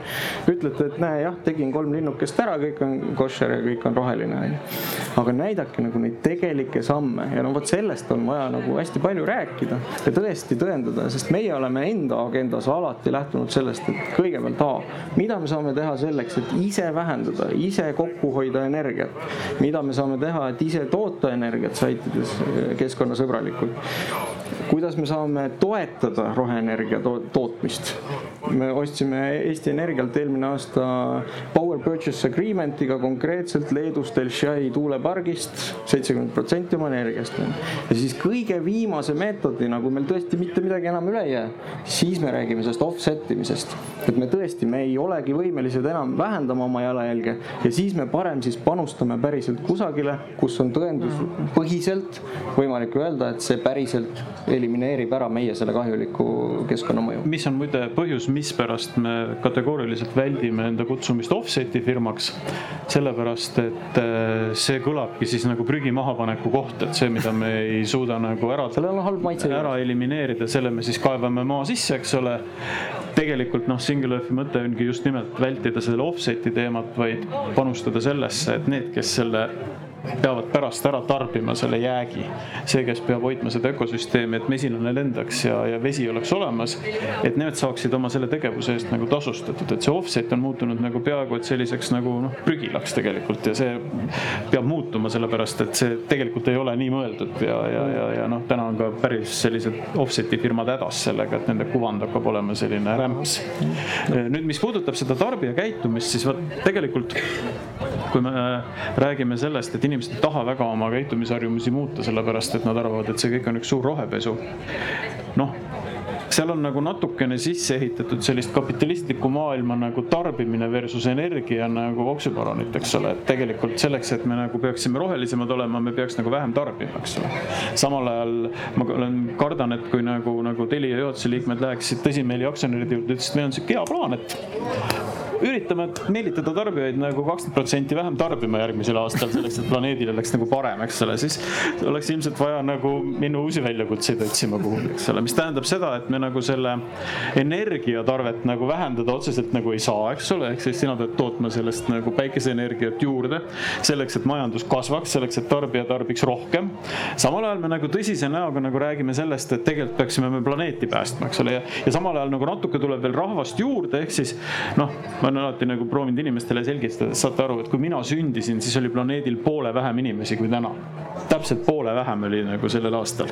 et, et aga selle juurde tulnud poole ja selle, mis veel juurde tuleb, umbes veel mingisugune niisugune kolm-neli miljardit, eks ole. seda me omakorda püüame nagu meelitada käituma niimoodi, et nad tarbiksid veel poole rohkem, kui nad peaksid muidu tarbima, mis tähendab, et me üritame ühest küljest siis nagu sellise kasumi maksimeerimise eesmärgil seda energiat võimalikult palju endasse ahmida, sest noh, suvaline toodang on tegelikult funktsioon energiast, kipub ikkagi olema ühel või teisel moel. ja teisest küljest räägime nagu energia säästmisest ja mis siis sellel vaesel nagu juhatuse esimehel seal firmas nagu järgi jääb, on siis tegeleda nagu asendustegevustega, et ahaa, plastkõrred on halvad, okei okay., hakkame, asutame puukõrretööstuse, eks ole. ja vahepeal oli täiesti tõsiselt, olid müügil kõrred, mis olid puitkõrred pakitud plastpakendisse, eks ole. et, et noh, väga vähesed tulid selle peale, et kasutaks makarone, eks ole, et siinkohal ma tahaksin tervitada paari söögikohta, üks neist on kusjuures Koplis kohalik mhm. pubi, eks ole, kes tabas ära, et tegelikult on nagu loodussäästliku kõrre nimi makaron, see on mõeldud välja umbes nagu paarsada aastat tagasi ja töötab suurepäraselt, ei mädane nagu suus ära ja samal ajal nagu võib pärast ära süüa. et, et, et need asendustegevused on tegelikult tekitanud seda nagu tarbijas protesti ja, ja eriti tekitavad nad protesti selle tõttu, et me tegelikult teisest otsast nagu meelitame tarbijat, me üritame seda tema iPhone'i nagu teha võimalikult ruttu nagu kasutuks, eks ole. selleks, et ta ostaks uue ja siis teisest otsast müüme talle refurbished iPhone'i, et ta saaks ikkagi sellest hüvest nagu osa ja siis need nagu teated väga nagu ei taha omavahel nagu kuidagi noh, kooskõlas olla seal marketing materjalides võib-olla, et noh, see ei ole isegi konkreetne kriitika, see on lihtsalt selline natukene nagu süsteemi paratamatus, et.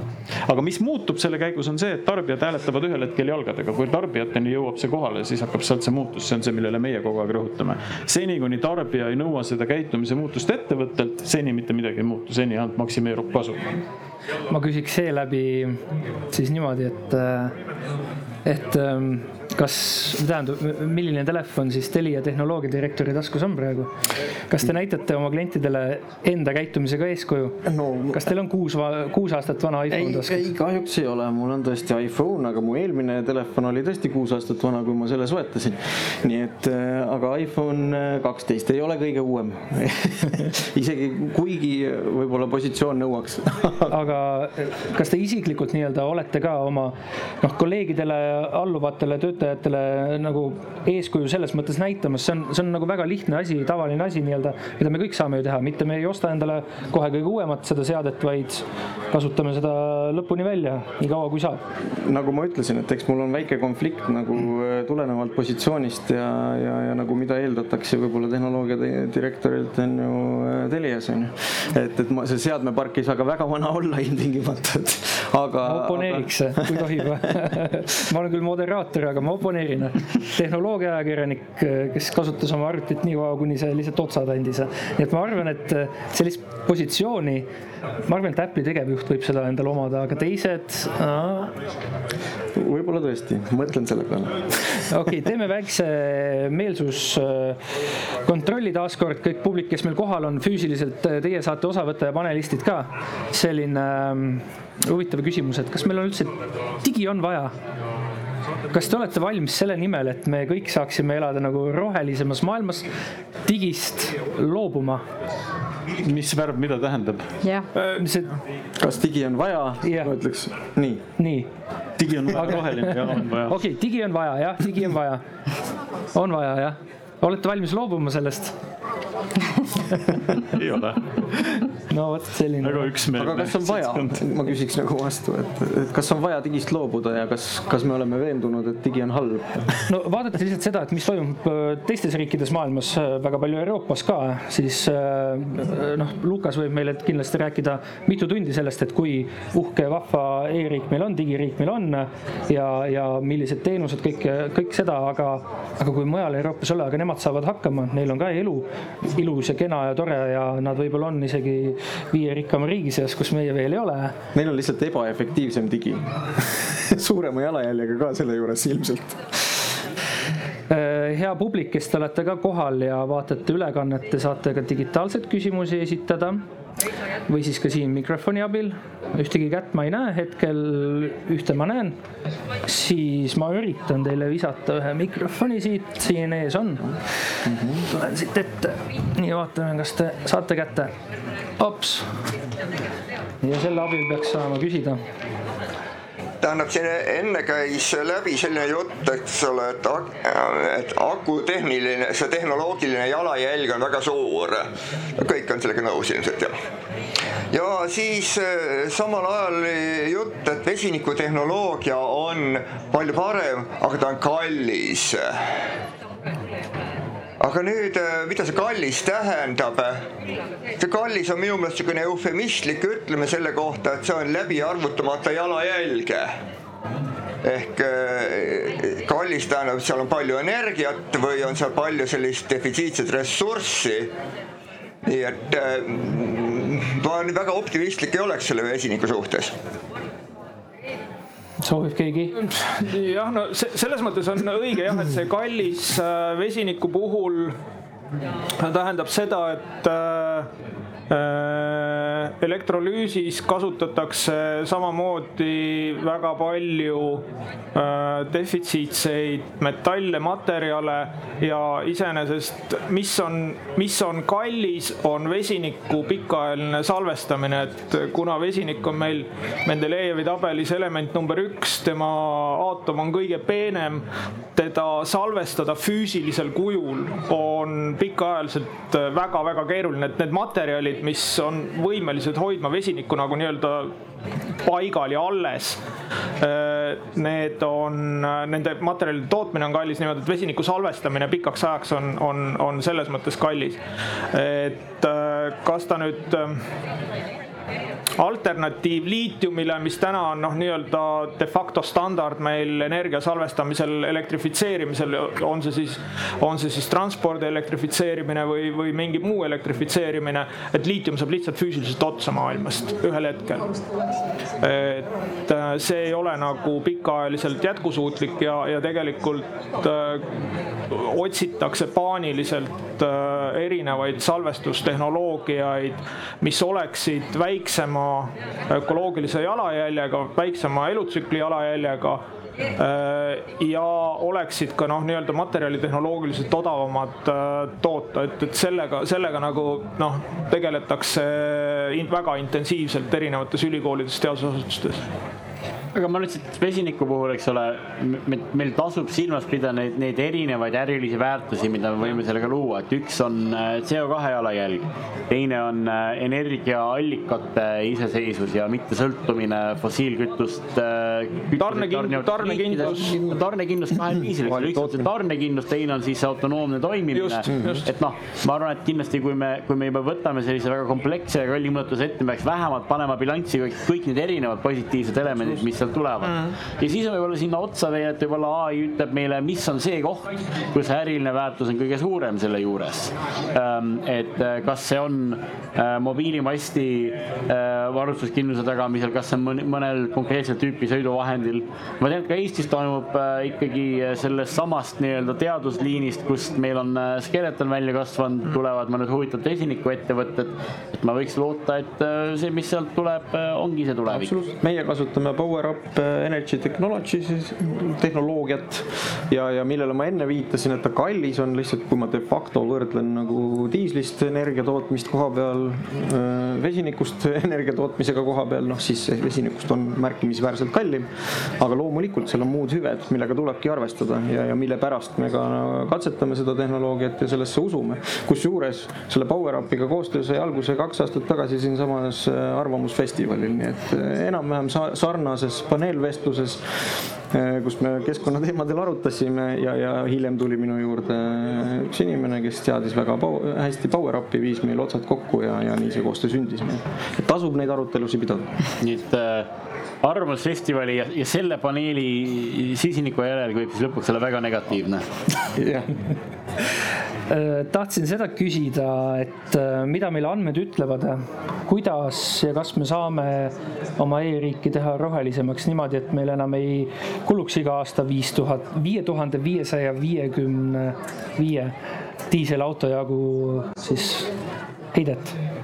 Kindlasti saame rohelisemaks teha, aga nagu ma ütlesin, see põhiküsimus, kuhu, kuhu me lõpuks jõuame, on see, on see elektri küsimus, kus ma ikkagi me võime seda teha digiriigi kontekstis ja lõpuks ei ole vahet, millist osa me riigi elektritarbimisest roheliseks saame, peame seal tegelikult leidma riikliku lähenemise. ja noh, ma siiski ütleks, et see suurem ambitsioon minu jaoks digiriigi vaatest on see, et digiriiki kasutataks võimalikult hästi selleks, et seda tervikrohepööret äh, vedada, et, et tulles nende numbrite juurde tagasi, jah, äh, digitehnoloogiad on viiskümmend üheksa protsenti elektritarbimist, see on kaks protsenti heidetest, eks ole, natuke rohkem, kui me räägime sellest elutsüklist. et ikkagi see suur mõju tuleb sellest ülejäänud üheksakümne kaheksast protsendist, kus me kasutame neid andmeid ja neid protsessiviisi, et mida me jumala, jumala eest ei tohiks teha. ja see on ka käinud Eesti kogukonnas aruteluna nii-öelda läbi.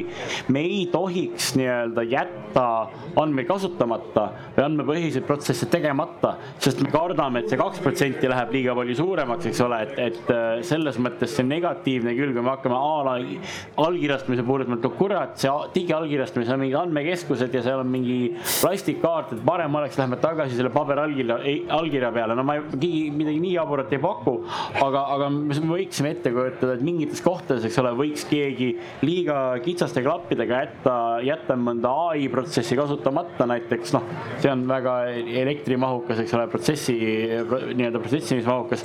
seda me ei, ei, ei tohiks endale lubada, sest lõpuks pigem see väljakutse peaks olema, kuidas me neid andmeid, kuidas me seda andmete jagamist kasutame selleks, et võimestada kõike alates sellest, et meil on tark kindlustus kuni selleni, et tehisintellekt teeb kodanikule soovitusi, kuidas ta võiks oma jalajälge vähendada või ma ei tea, koostöös energiafirmadega pakub nii-öelda mõistlikumaid energiapakette, neid võimalusi on lõputult palju ja see on see koht, kuhu me peaks ikkagi oma nii-öelda aju ragistamise terviku suunama, et selle nii-öelda digiriigi enda jalajäljega, noh, sellega saab tegeleda lõpuks nii-öelda käputäis inimesi, eriti liikudes rohkem riigipilve konsolideerimise poole, sellega peabki ainult käputäis inimesi inimesi tegelema ja kõik need ülejäänud ajud võiksid äh, pigem tegeleda sellega, kuidas me neid andmeid kasutame mm. -hmm. see digiriigi, jah, vabandust. siin käis ennem jube hästi hea väljend äh, läbi, et tegelikult ju kõik oleneb sellest, mida klient äh, küsib ja mida klient tellib ja, ja ega riigisektoris samamoodi mõeldakse ju neid teenuseid ja pakutakse siis lahendusi välja ju vastavalt sellele, kuidas siis äh, tegelikult kas siis üldsus, kodanik, äh, klient äh, siis tellib. ma lihtsalt Lukase jutu siia juurde tahan ikkagistki rõhutada ka seda, et jah, et see on natukene selline illusoorne, et me võib-olla suudame hästi palju oma jalajälge vähendada, sest samal ajal ju meil andmete mahud kasvavad ja, ja nüüd on nagu see küsimus, et sihuke globaalne küsimus, et, et, et kas me aktsepteerimegi, et see nagu lõputult kasvab või on ka ühel hetkel mingisugune optimaalne piir andmete hulgale. et siin me rääkisime sellest digiprügi nagu kontekstis, teist, teist nagu, et kas ma selle saba teist otsa siis hakkame nagu maha raiuma kuidagi mis iganes äh, võimalused äh, siis äh, selleks on. aga täna, mida noh, meie näeme, kui olles nii-öelda siis nii ruumiandmete kui ka satelliitandmete nii-öelda vahendajad, siis see maht ainult kasvab. kusjuures siin on veel üks kiire kommentaar selle kohta, et tegelikult kui me hakkasime omal ajal noh, Eesti riigi, see e-riigi pool on tänaseks mingi kakskümmend kaks, kakskümmend viis aastat vana, eks ole. kui me hakkasime seda omal ajal ehitama, siis oli narratiiv see, et me tahame teha riiki digitaalseks sellepärast, et me ei suuda endale väikese rahvana mingil põhjusel lubada nagu riigihaldust klassikalisel moel, vaid me peaksime seda hakkama tegema põhimõtteliselt digitaalselt mis oli selge juba kahe tuhande viiendal, kuuendal, aga sellest hoolimata nagu õnnestus maha magada, oli see, et inimesed hakkasid sellelt eeldama sama kasutajakogemust, nagu on Google'il, Facebookil, Microsoftil ja kõikidel teistel, kelle firma eelarve on oluliselt suurem kui Eesti riigieelarve tervikuna, eks ole. ehk siis täna meil on natukene ka see digi nagu jalajälje küsimus mitte niivõrd ainult enam andmetes, vaid ka selles, et nagu miljon inimest sooviks saada Eesti riigilt sedasama kasutajakogemust, mida ta saab muudest internetikeskkondadest ja see on paraku väga mahukas. no ma arvan, et see ei ole või, nagu õigustamata, sest noh, ma ütleks, et Telia Eesti, eks ole, kellel on ka ainult nii-öelda noh, maksimaalselt üks koma neli miljoni aegklienti, tegelikult vähem, eks ole, pakub päris hea kasutajakogemust. Most of the time korra, korra oli mul üks probleem, eks ole, teiega, see selleks. aga, aga noh, point on selles, et noh, me ei tohiks sellesse liiga palju kinni jääda, väiksed startup'id ka pakuvad väga head UX-id, see on kindlasti meil võetud suureks eesmärgiks, et riigi UX läheks paremaks. ja, ja seda me peame saavutama oma väikelisuse kiuste. ja ka head kasutuskogemust on... on järjest odavam ja odavam pakkuda. jah, mul on väga hea meel, et meie, et meie paneel on väga hästi läinud. veel enne, kui see läbi saab, vaatame korra otsa ka, meil oli üks küsimus, mida, mille siin esialgu sai küsitud ja netis said kõik vastata.